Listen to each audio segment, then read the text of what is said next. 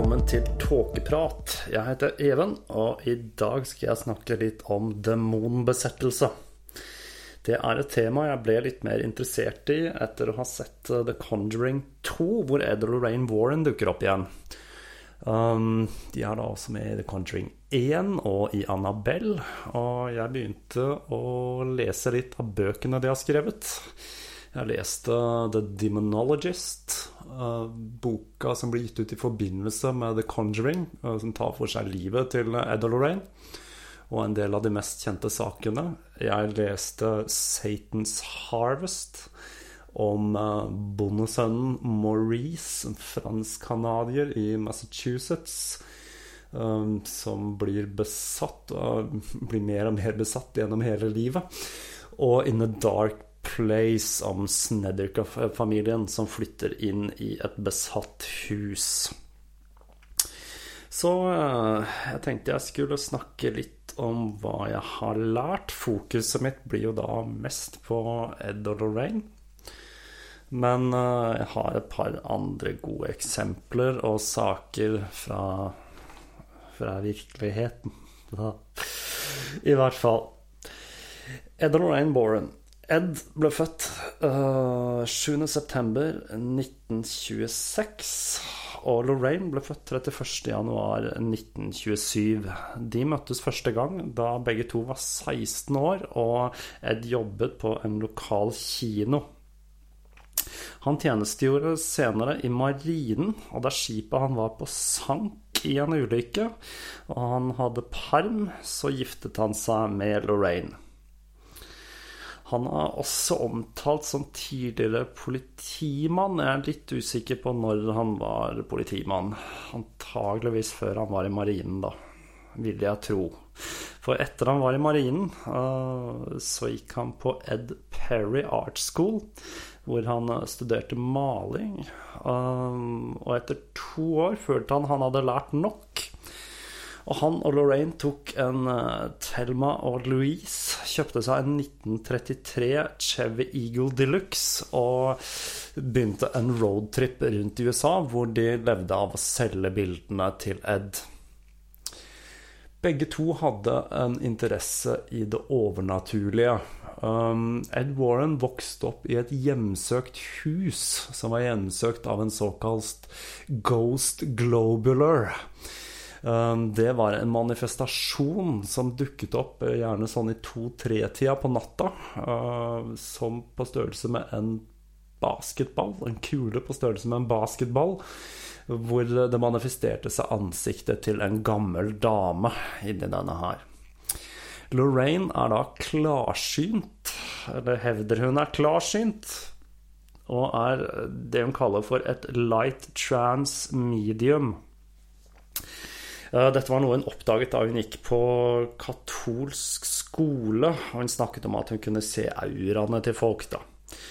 Noe hun fikk streng beskjed om å ikke snakke om på den katolske skolen. Når det gjelder light trans medium, så tror jeg og tolker det som at det er et medium som er i kontakt med ånder uten å la seg besette av dem, sånn som det mer klassiske mediumet fungerer. Begge to med interessen i det overnaturlige begynte etter hvert å bli tiltrukket av hjemsøkte plasser og hjemsøkte hus. Og for å komme i kontakt med de som bodde i disse husene, så stilte Ed seg opp utenfor og begynte å male huset. Etter hvert Altså male et bilde av huset, ikke male selve huset. Etter hvert så kom da beboerne ut og lurte på hva han drev med, og han sa da at han pleide å male hjemsøkte hus og ville gjerne selge dem maleriet. Og på den måten så kom han da i kontakt med forskjellige folk som opplevde overnaturlige fenomener, og satte seg mer og mer inn i dette. Etter hvert så startet de da The New England Society for Psychic Research. Den ble stiftet i 1952, og det er gruppen hvor de drev all den paranormale etterforskningen sin fra. De hevder å ha vært involvert i mer enn 10 000 saker uh, som involverer det paranormale. Og de utdanner da demonologer. Uh, de har også prester og leger og politifolk og litt forskjellige som er med i, eh, i etterforskningene deres. Warrens har da vært involvert i en rekke kjente saker. Eh, deriblant kan jo nevnes Amityville og Annabelle. Og også Snedeker-historien, eh, som er vel filmatisert som The Haunting i Connecticut, eller noe i den stilen der. En film jeg ikke har sett. Det er fire stadier av en demonisk besettelse. Det første stadiet er manifestasjon det er når demonen blir invitert inn, enten vitende eller uvitende, i livet til personen eller huset eller gjenstanden som skal bli besatt. Dette kan skje på flere måter. Den vitende måten, da eh, involverer det ofte det okkulte, altså bruk av Ouija-brett, automatskrift, magiske ritualer osv. Uh, hvor det åpnes en portal som gjør at demonen kan komme inn til vår verden. Den uvitende måten er gjennom uh, f.eks. sykdom, psykiske lidelser som depresjon osv. Eller uh, som i saken med Maurice, denne bondesønnen, som da skriker til faren sin at han heller vil jobbe for djevelen enn å jobbe for, for far sin. Dette her uh, skaffer han uønsket oppmerksomhet fra det hinsidige. Etter demonen først har klart å feste seg fast til personen, så begynner invasjonsstadiet. I invasjonsstadiet så vil man oppleve det som eh, kan karakteriseres som poltergeist-aktivitet. Typen dunking i vegger, eh, skraping, skygger i øyekroken, som beveger seg, gjenstander som flytter seg og teleporterer seg, hvisking Typiske hjemsøkt fenomener, rett og slett. Ifølge Eden Lorraine er det demoniske også svært intelligent, og det ønsker å få personen som er besatt, til å fremstå som gal for andre. Dvs. Si at det kun manifesterer seg for personen som skal besettes. For å skape splittelse mellom den personen og øvrig familie eller venner. Det neste stadiet er undertrykkelse.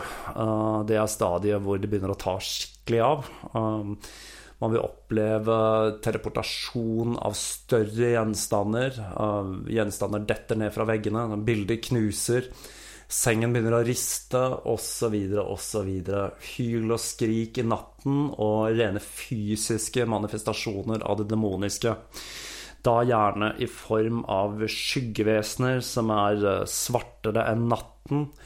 Underlige demoniske dyr osv. Målet med dette stadiet er å slite ned vedkommende, sånn at den skal bli mer mottagelig for selve besettelsen. Og besettelsen er det fjerde og siste stadiet før døden, hvor det demoniske besetter fysisk kroppen til personen som eh, har blitt Som er offer for dette. I dette stadiet så vil personen oppleve hukommelsestap og sterke personlighetsforandringer. Målet med besettelsen, det ultimate målet, er at personen skal dø, sånn at demonen kan overta sjelen. Eh, kirken har en liste over tegn på demonisk besettelse. Det er en liste på 14 punkter. Jeg skal ta litt i full fart her. Eh, det er mangel på appetitt. Igjen for å bryte ned kroppen. Det er kutt, klore og bitemerker. Uforklarlige kutt, klore og bitemerker på kroppen. En intens kulde i nærheten av vedkommende. Fysiske endringer, spesielt da ansiktet. Man påtar seg eh, ansiktstrekk som ikke er typiske for den personen. Personen mister kontroll over den normale personligheten og får ofte raserianfall og kan begynne å angripe andre. Dramatisk endring i stemmen. Overnaturlig styrke. Personen kan snakke eller forstå språk det normalt aldri har kunnet. Personen har kunnskap om eh, hendelser eller steder personen ikke kan vite noe om.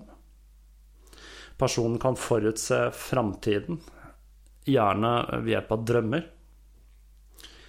Levitasjon. Telekinese.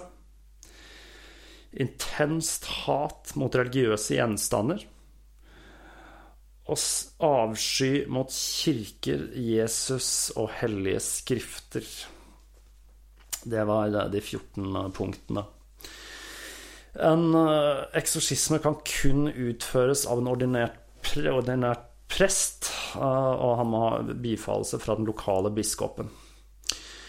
Instruksene for eksorsisme finner man i en manual som heter De exorcismus et supplicationibus quabistam. Den ble sist revidert av eh, pave Johannes Paulus 2. i 1999.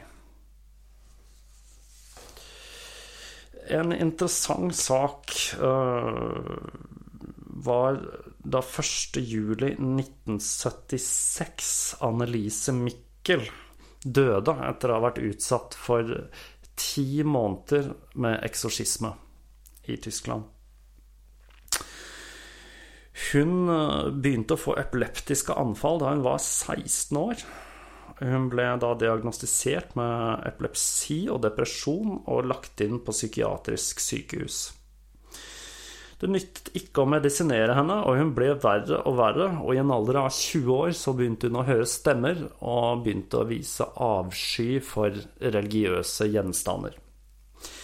Foreldrene prøvde da å, å få tillatelse til en eksorsisme. Dette ble avvist av den katolske kirken.